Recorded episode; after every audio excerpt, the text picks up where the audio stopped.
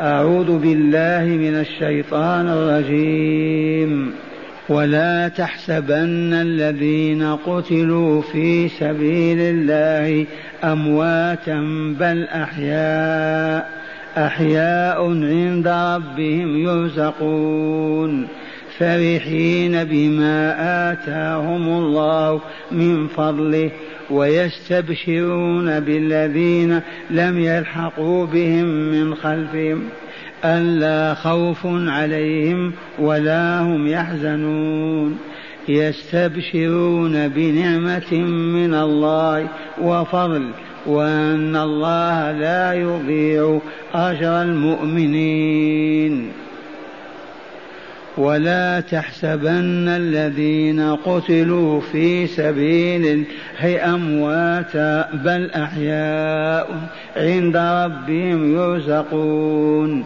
فرحين بما آتاهم الله من فضله ويستبشرون بالذين لم يلحقوا بهم من خلفهم. ألا خوف عليهم ولا هم يحزنون. يستبشرون بنعمة من الله وفضل وأن الله لا يضيع أجر المؤمنين. هذا الخطاب معاشر المستمعين والمستمعات ولا تحسبن الذين قتلوا في سبيل الله. من القائل هذا الكلام؟ الله, الله. من هو الله؟ الذي خلقنا ورزقنا ووهبنا عقولنا وأسماعنا وأبصارنا وخلق كل شيء في دنيانا من أجلنا. كيف لا نعرفه كيف لا نحمده كيف لا نشكره الحمد لله أننا عرفنا وآمنا به وها نحن نسمع كلامه ونتدبره وبلايين من الإنس والجن ما عرفوا ولا آمنوا ولا سمعوا كلامه ولا عرفوا مراده من خلقه وحياة البشر أبدا. صح هذا ولا إيه نعم. أولئك شر الخليقة. هل يوجد من الناس من القردة والخنازير خير منه؟ إيه والله. هل يوجد من الخلق من البشر من الكلاب والقردة والحيات والثعابين خير منه؟ إيه نعم. من هم؟ الذين كفروا بالله ولقائه. ما الدليل يا شيخ؟ اقرأوا أو اسمعوا أقرأ قول الله تعالى من سورة البينة. اسمع هذا البيان. إن الذين كفروا من أهل الكتاب والمشركين في نار جهنم خالدين فيها أولئك هم شر البريئة. البريئة فعيلة بمعنى مفعولة. أي شر الخليقة ولما كانوا شر الخليقة أسألك بالله يا سامعي لو أن شخصا في بيتك أنت صنعته لا لا لا أنت داويته وشفيته وأنت تطعمه وتسقيه وأنت تأكله وتحفظه وتحط تحط بين يدي كل ما يحتاج إليه وهو لا يملك شيئا ثم لا يعترف بوجودك ولا يذكرك بخير ولا يطيع لك أمر. كيف تنظر إليه؟ والله الشر من الخنازير. لعل هذه البربرية غير مفهومة. أعيد.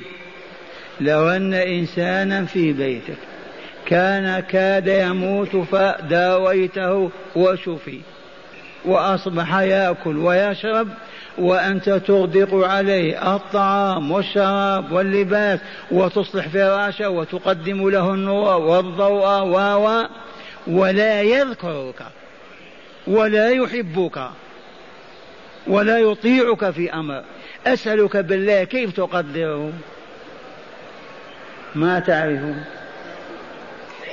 شر الخلق. ولا تود أن تنظر إليه أبدا ولا تسمع كلامه. والذين كفروا من الكتاب والمشركين أما خلقهم الله أما رزقهم الله أما خلق الحياة من أجلهم أما أما ثم يكفرون به ولا يذكرونه ولا يحبونه ولا يطيعون أمرا له ولا ولا. كيف هؤلاء؟ شر الخليقة ولا لا؟ الذي ينكر هذا لا عقل له. هذا بيان الله إن الذين كفروا أي بالله ولقائه أي بالله ورسوله بالله وكتابه هؤلاء ما مصيرهم؟ لا. إن الذين كفروا من الكتاب والمشركين ما لهم في نار جهنم خالدين فيها أبدا. أولئك البعداء هم شر البرية. والبرية والبريئة بمعنى واحد. عرفتم من شر الخليقة؟ كيف إليهم بالله الآخر؟ كيف تحب أنت؟ إذا الله جل جلاله وليسمح وليسمح لنا أن نتكلم عنه. ما نحن أهل لأن نتكلم عن الله. والله لولا منته وإحسان ورحمته من نحن حتى نذكر حتى اسمه. بينا هذه القضية والغافلون غافلون. عرفنا عجائز عجوز تكره أخرى. ما تسمح لأن تذكر اسمها. تعرفون هذا ولا لا؟ فيما بينكم. إذا أبغض يقول لا تذكر اسمي. أنا أجل من أن تذكر اسمي أنت.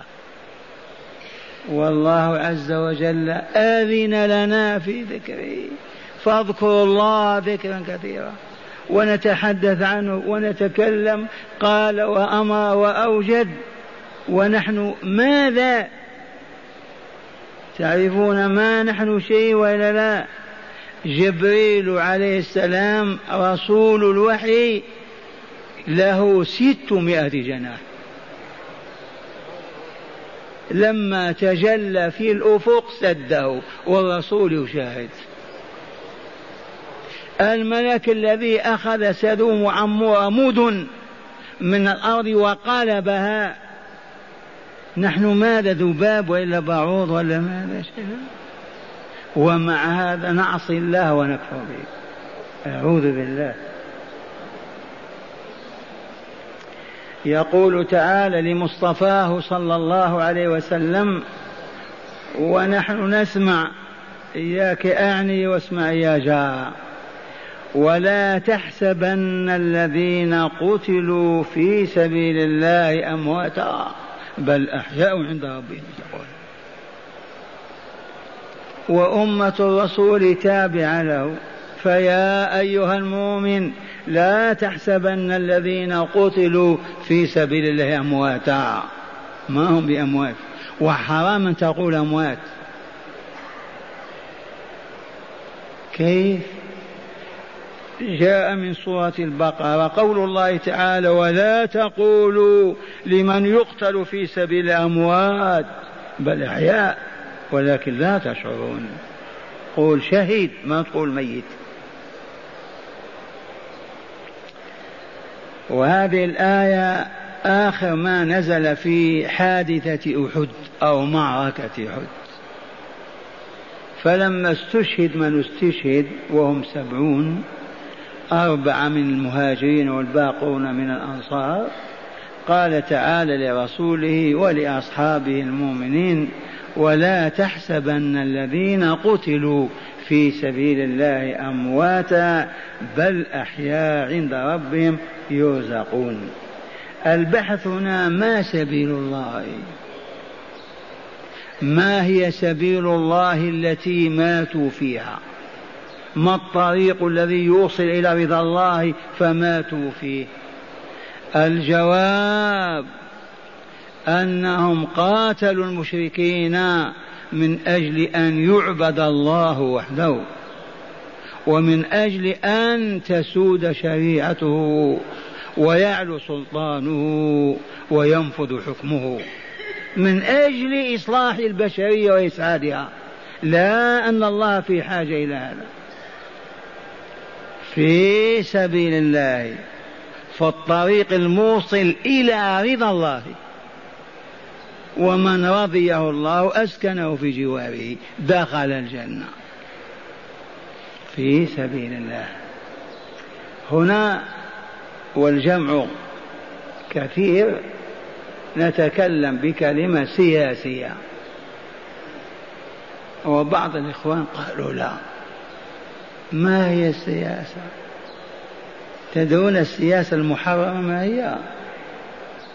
القول الذي يسبب آذاء إمام المسلمين أو يسبب سقوط حكومته أو يسبب إثارة فتنة بين مواطنيه أو محكوميه ذاك المحرم الممنوع. هل تفهمون هذه اللغة؟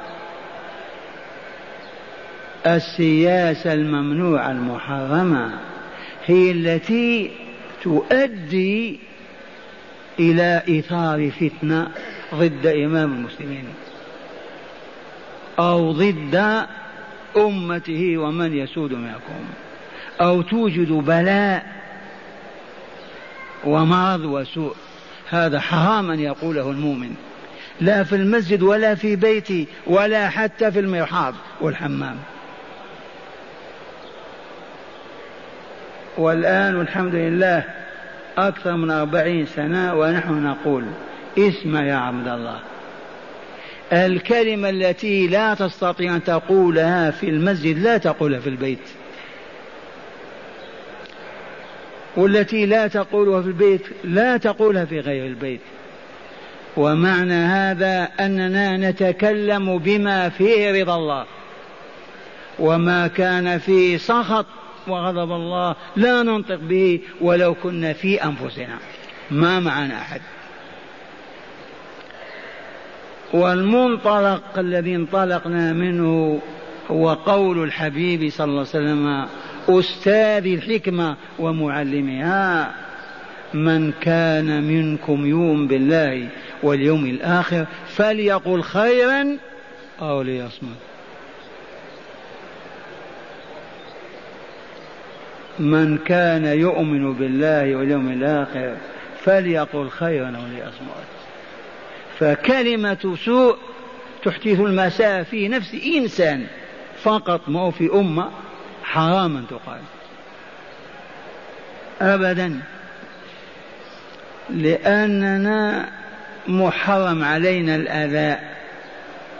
لا يحل لمؤمن أن يؤذي مؤمنا. ولو بنظرة شزراء أبدا. كل المسلم على المسلم حرام دمه وعرضه وماله. وها أنتم ترون كيف تنهش الأعراض وكيف السب والتعير والشتم وكيف وكيف وكيف. ما سبب هذا؟ سببه ما عرفوا ما علموا. ما تربوا في حجور الصالحين.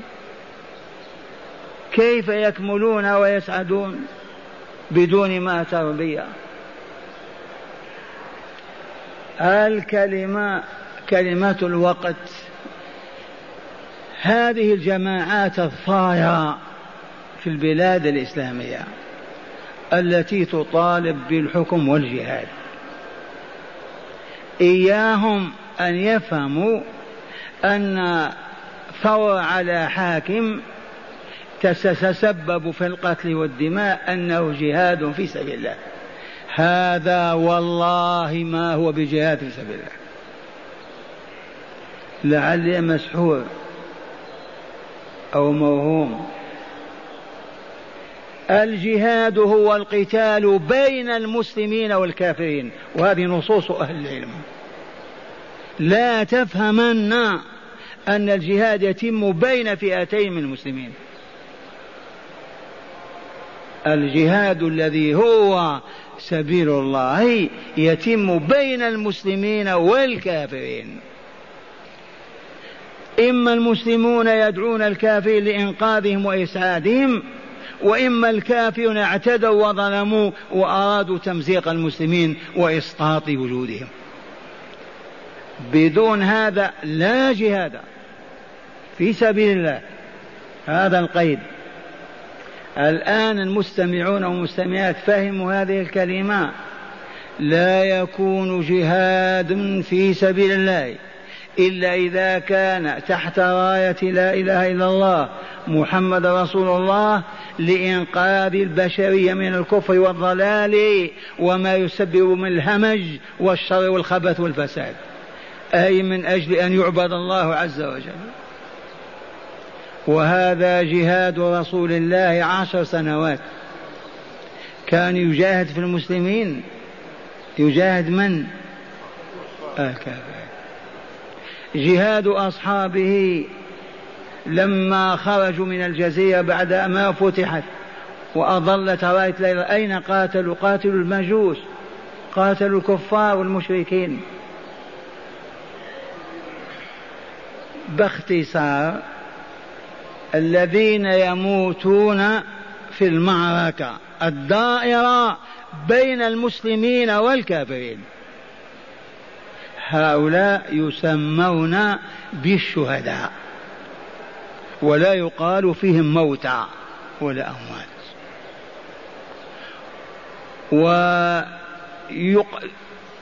ويدفنون في ثيابهم.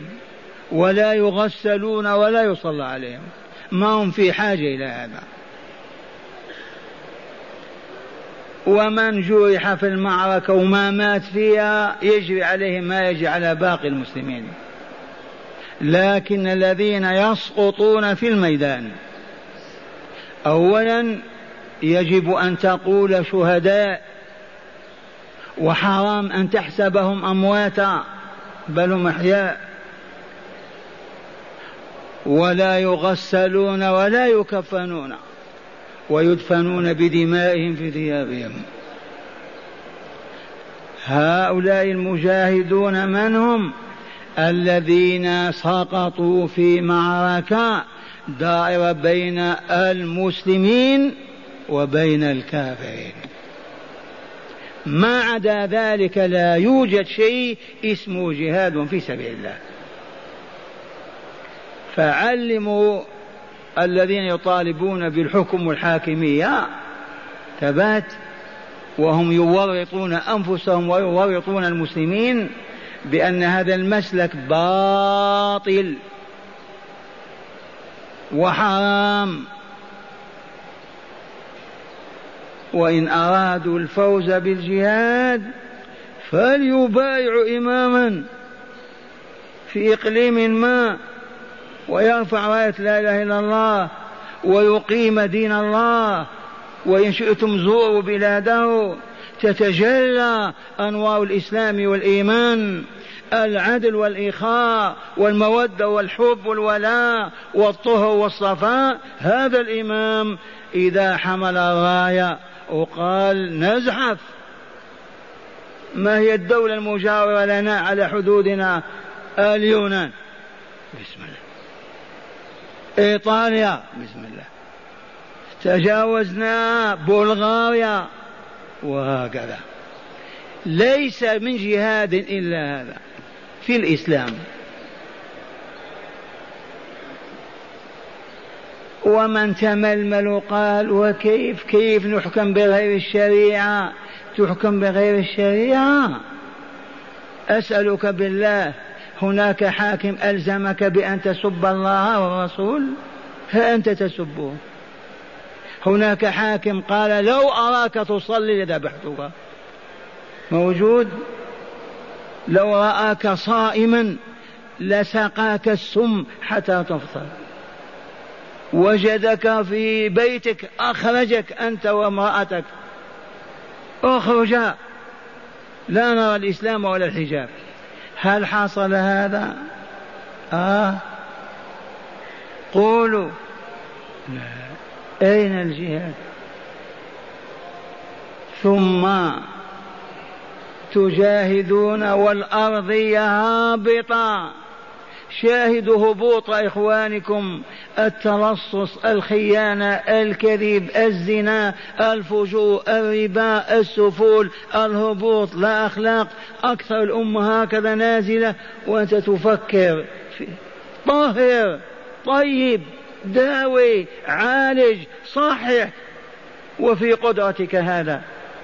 تأتي إلى أخيك وتضمه إلى صدرك وتقول له أسألك بالله ألا تقول مرة هذه الكلمة وأنت مسلم. أسألك بالله ألا تقف غدا هذا الموقف في معصية كهذه هذا هو الطريق. حتى نكون على علم الله جل جلاله يقول ولا تحسبن الذين قتلوا في سبيل الله. عرفنا سبيل الله ولا ما زلنا؟ ممكن ما فهمنا سبيل الله. الطريق الموصل إلى رضا الله. ما الطريق الموصل إلى رضا الله؟ أن يعبد الله بما شرع. إذ هذه العبادة سرها تزكية النفس وتطهيرها. ومن زكت نفسه وطابت وطهرت لا يليق به العالم السفلي ولكن العالم العلوي الجنة دار السلام. قال بل أحياء بل هم أحياء عند ربهم يرزقون يأكلون ويشربون. هيا نسمع هذه الحديث.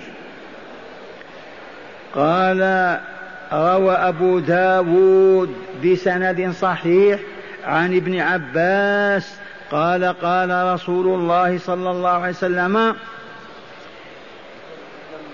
لم قال رسول الله صلى الله عليه وسلم لما أصيب إخوانكم بأحد. جعل الله أرواحهم في جوف طير خضر. وورد في حواصل طير خضر. والحواصل الجوف جمع حصيلة أو حوصلة. ترعى ترد أنهار الجنة. ترد لتشرب في أنهار الجنة. تأكل من أش من ثمارها.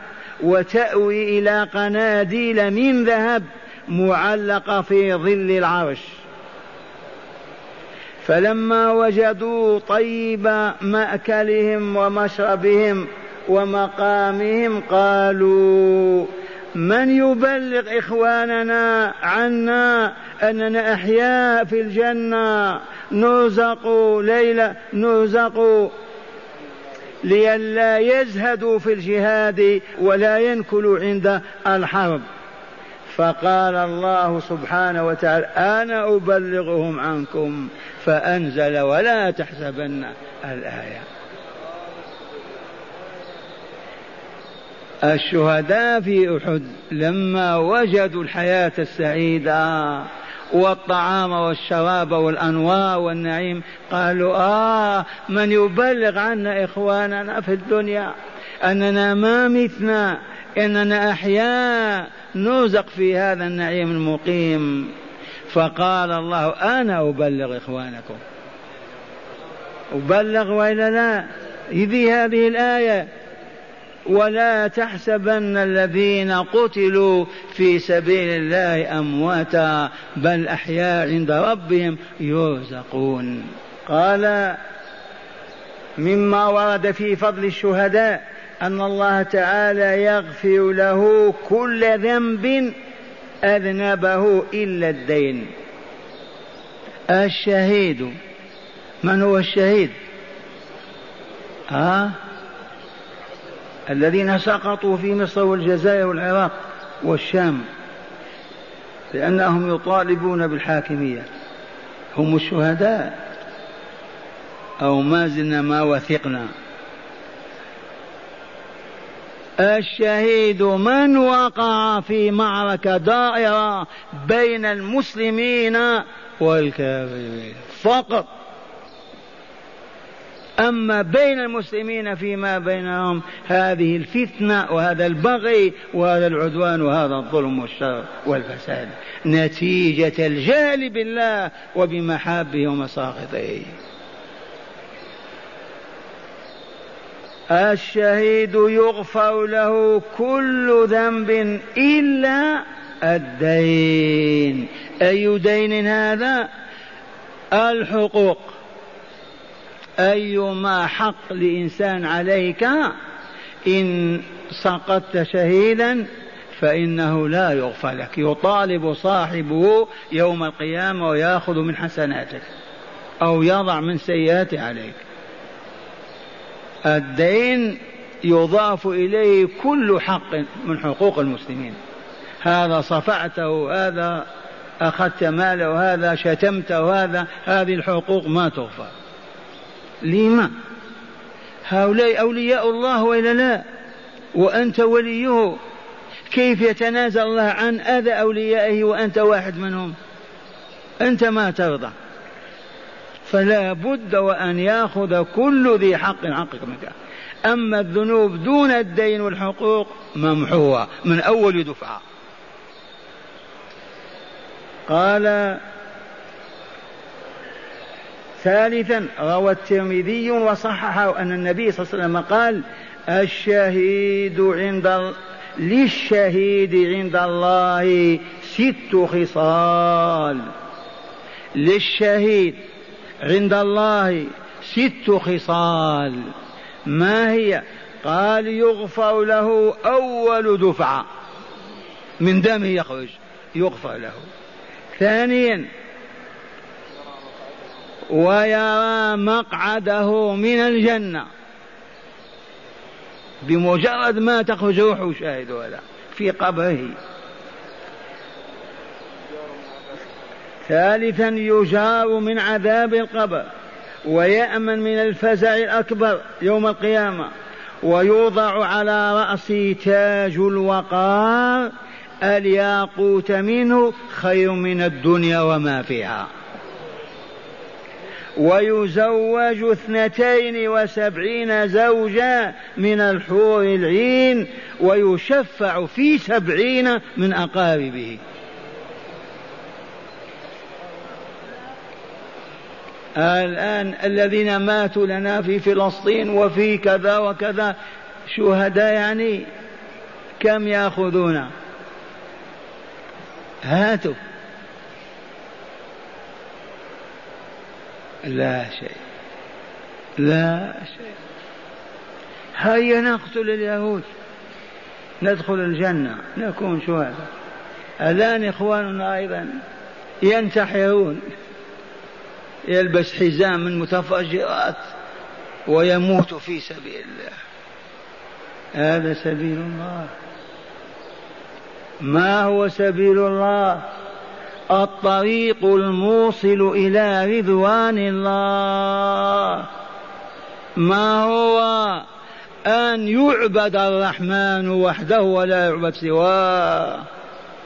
وأن تسود شريعته بين عباده لتزكو البشرية وتطيب وتطهر.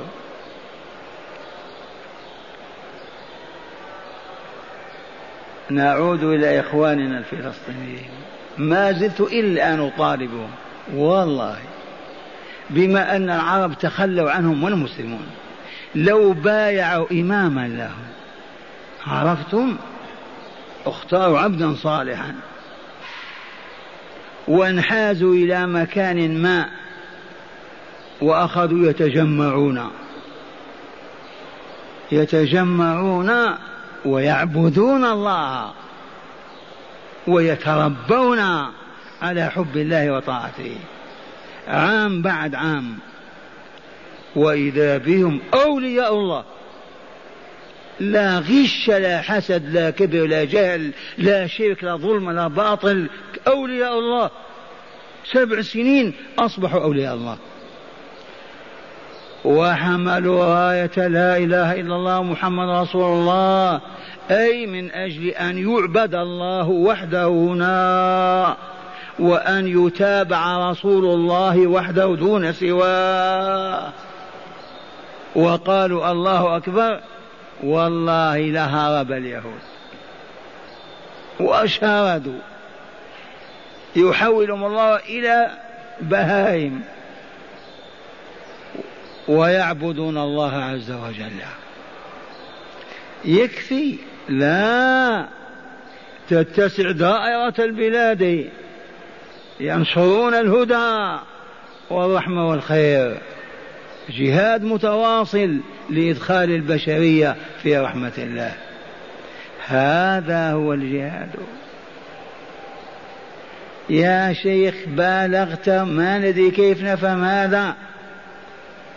انظر إلى الشاشة أمامك تشاهد. كم إقليم استقل لنا ومات فيه رجالنا ونساؤنا؟ قولوا نيف وأربعون من أندونيسيا إلى موريطانيا لو كانوا كما نعلم الآن وعرفوا الله وأرادوا أن يعبد لما تستقل البلاد تلوح أنوار الهداية الإلهية في البلاد. تقام الصلاة تجبى الزكاة يؤمر بالمعروف ينهى عن المنكر يطبق شرع الله كما هو. لكن لما ما أرادوا هذا أرادوا السلطة والحكم فقط للمال والتسلط والله ما أقيمت الصلاة في بلد. هذا جهاد هذا. جهاد. ما هي ثماره ما هي نتائجه هل عبد الله؟ الجواب لا. عدنا من حيث بدأنا وإلا لا فلا بد للجهاد من أن يكون من أجل أن يعبد الله وحده.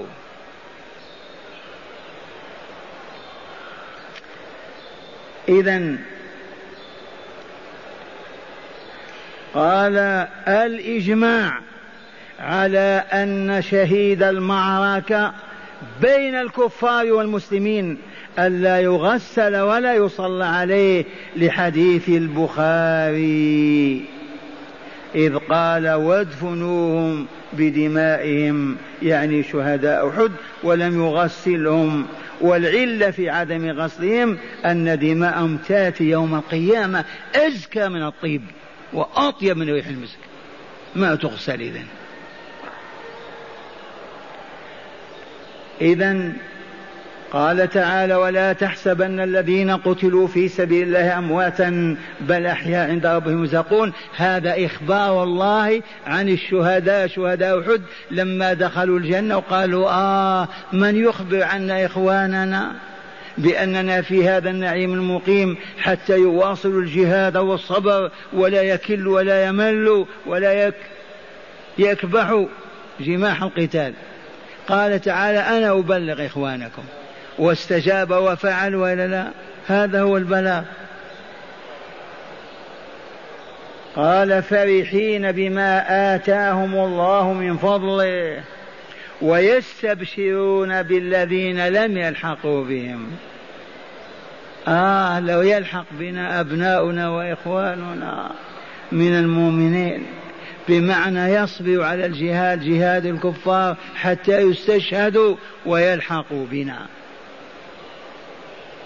ويستبشرون بالذين لم يلحقوا بهم من خلفهم ألا خوف عليهم ولا هم يحزنون. إي نعم. يستبشرون مرة ثانية بنعمة من الله وفضل أية نعمة أعظم من رضاه والجنة وما فيها؟ أي فضل أعظم من ذاك النعيم المقيم؟ أرواحهم في حواصل طير خضر ترعى في الجنان وتأوي إلى قناديل معلقة في ظل العرش وهكذا إلى يوم القيامة. فإذا جاء يوم القيامة والأجساد نبتت كالبغل في الأرض واكتمل الجسد توصل الأرواح وتنزل وكل روح لا تخطئ جسدها. والله ما تخطئه.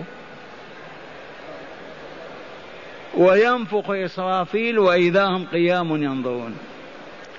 وهنا يروي مالك بشرى وهي أن وهي أن نسمة المؤمن غير المجاهد. هذه النسمة يقول رسول الكريم صلى الله عليه وسلم وتعرفون الموطأ. قبل البخاري ومسلم أصح كتاب بعد كتاب الله.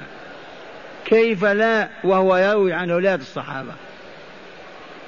يقول إنما نسمة المؤمن طير يعلق في شجر الجنة. أرواحنا أيها المؤمنون لما تتم محنة القبر وفتنته ترفع إلى دار السلام وتبقى هناك في الجنة.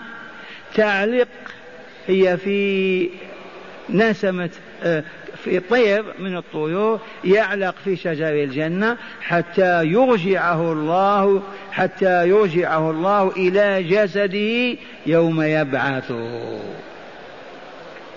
إذا ما الفرق بين أرواحنا وأرواح الشهداء؟ أرواح الشهداء أجل وأعظم. ثباتم وأرواحنا أيها المؤمنون نعم في هذه القناديل في هذا شكل الطير وترعى وتعلق من أشجار الجنة وتبقى هكذا حتى يبعثنا الله يخلقنا خلقا أي الأبدان. وتنزل الأرواح فتدخل في أجسادها. مرة ثانية يقول إنما نسمة المؤمن النسمة هي روح ولهذا إذا قال المؤذن الصلاة على رجل وما عرفت. رجل وإلا مرأة ماذا تقول؟ الجواب تقول اللهم إنها نسمتك بنت نسمتك أنت خلقت أنت رزقت إلى آخره. ما تقول ذكر وإلا أنثى وتسأل الناس؟ يكفي أن تقول إنها نسمتك. هي نسمة ولا لا؟ إنما نسمة المؤمن طير يعلق في شجر الجنة يأكل منه حتى يرجعه الله إلى جسده يوم يبعثه. متى البعث هذا؟ لما تنتهي هذه الدورة وهي أوشكت على النهاية. نسمع شرح هذه الآيات من الكتاب. يقول المؤلف غفر الله له ولكم ورحمه وإياكم والمؤمنين ما زال السياق في الحديث عن غزوة أحد. فقال تعالى لرسوله صلى الله عليه وسلم ولا تحسبن أي لا تظنن الذين استشهدوا من المؤمنين في أحد وغيرها أمواتا. لا يحسون ولا ولا يتنعمون بطيب الرزق ولذيذ العيش. بل هم أحياء عند ربهم. يرزقون أرواح في حواصل طير خضر يأكلون من أنهار الجنة يأكلون من ثمار الجنة ويأوون إلى قناديل معلقة بالعرش. إنهم فرحون بما أكرمهم الله تعالى به ويستبشرون بإخوانهم المؤمنين الذين خلفوهم في الدنيا على الإيمان والجهاد بأنهم إذا لحقوا بهم لم يخافوا ولم يحزنوا لأجل ما يصيرون إليه من نعيم الجنة وكرامة الله تعالى لهم فيها. إن الشهداء جميعا مستبشرون فرحون بما ينعم الله عليهم ويزيدهم وبأنه تعالى لا يضيع أجر المؤمنين شهداء وغير شهداء بل يوفيهم أجورهم ويزيدهم من فضله. الحمد لله أننا معهم. وأخرى يقول الرسول صلى الله عليه وسلم وهو الصادق المصدوق ما من عبد يسأل الله الشهادة في سبيله. في صدق. يسأل الله الشهادة في سبيل الله في صدق. ثبات إلا وألحقه الله بالشهداء أو أنزله منازل الشهداء ولو مات على فراش وأخرى هذا عمر. أين عمر بن الخطاب؟ في الروضة ولا لا؟ في الحجرة تشكون؟ والله إنه بها. عمر رضي الله عنه يدعو بدعوى تعجبت منها وبنته حفصة أم المؤمنين بعد وفاة الرسول. يقول اللهم إني أسألك شهادة في سبيلك وموتا في بلد رسولك. فتعجب حفصة كيف يتم هذا؟ الشهادة حدود الجهاد في الأفغان في الهند في الأندلس كيف؟ الشهادة في المدينة والموت في المدينة. ما هو معقول يا أبتاه يقول اسكتي.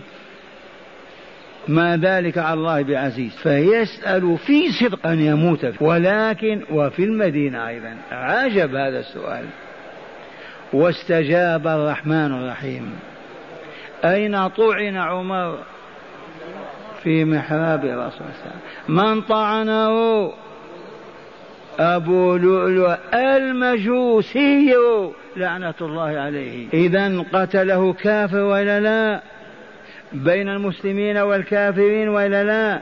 لأن أبو لؤلؤ يمثل حزب وطني طائر يريد أن يسحق الإسلام وأهله. فتنقل وبيع وجاء عبد وهو يحمل هذه المهمة.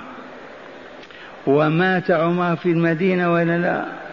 لأن الرسول صلى الله عليه وسلم يقول من استطاع منكم أن يموت بالمدينة فليمت بها فإني أكون له شهيدا أو شفيعا يوم القيامة. من استطاع ومعنى هذا أننا نتكلف ونعمل على أن نتحمل حتى نموت بالمدينة. من استطاع منكم أن يموت بالمدينة فليمت بها. فإني أكون أو شهيدا أو شفيعا يوم القيامة. وعندي سؤال. الذي يريد أن يموت في المدينة يغني فيها ويزمر. ها؟ يجلس أمام تلفاز وعواهر يرقصن أمامه أمام بناته ومرته. يبيع الحشيشة يبيع ملابس السوء يغتاب وينمم يأكل الربا ويفجر. هذا له رغبة في المدينة. هذا المدينة تنفيه. المدينة تنفي خبثها كما ينفي الكير خبث الحديد. يا من لا تستطيع أن تطيب وتطهو في المدينة ارحل امشي لا ينبع إلى جدة. هذه مكان القدس والطهر. ما تستطيع ما تبقى هنا. هل فهمتم هذا؟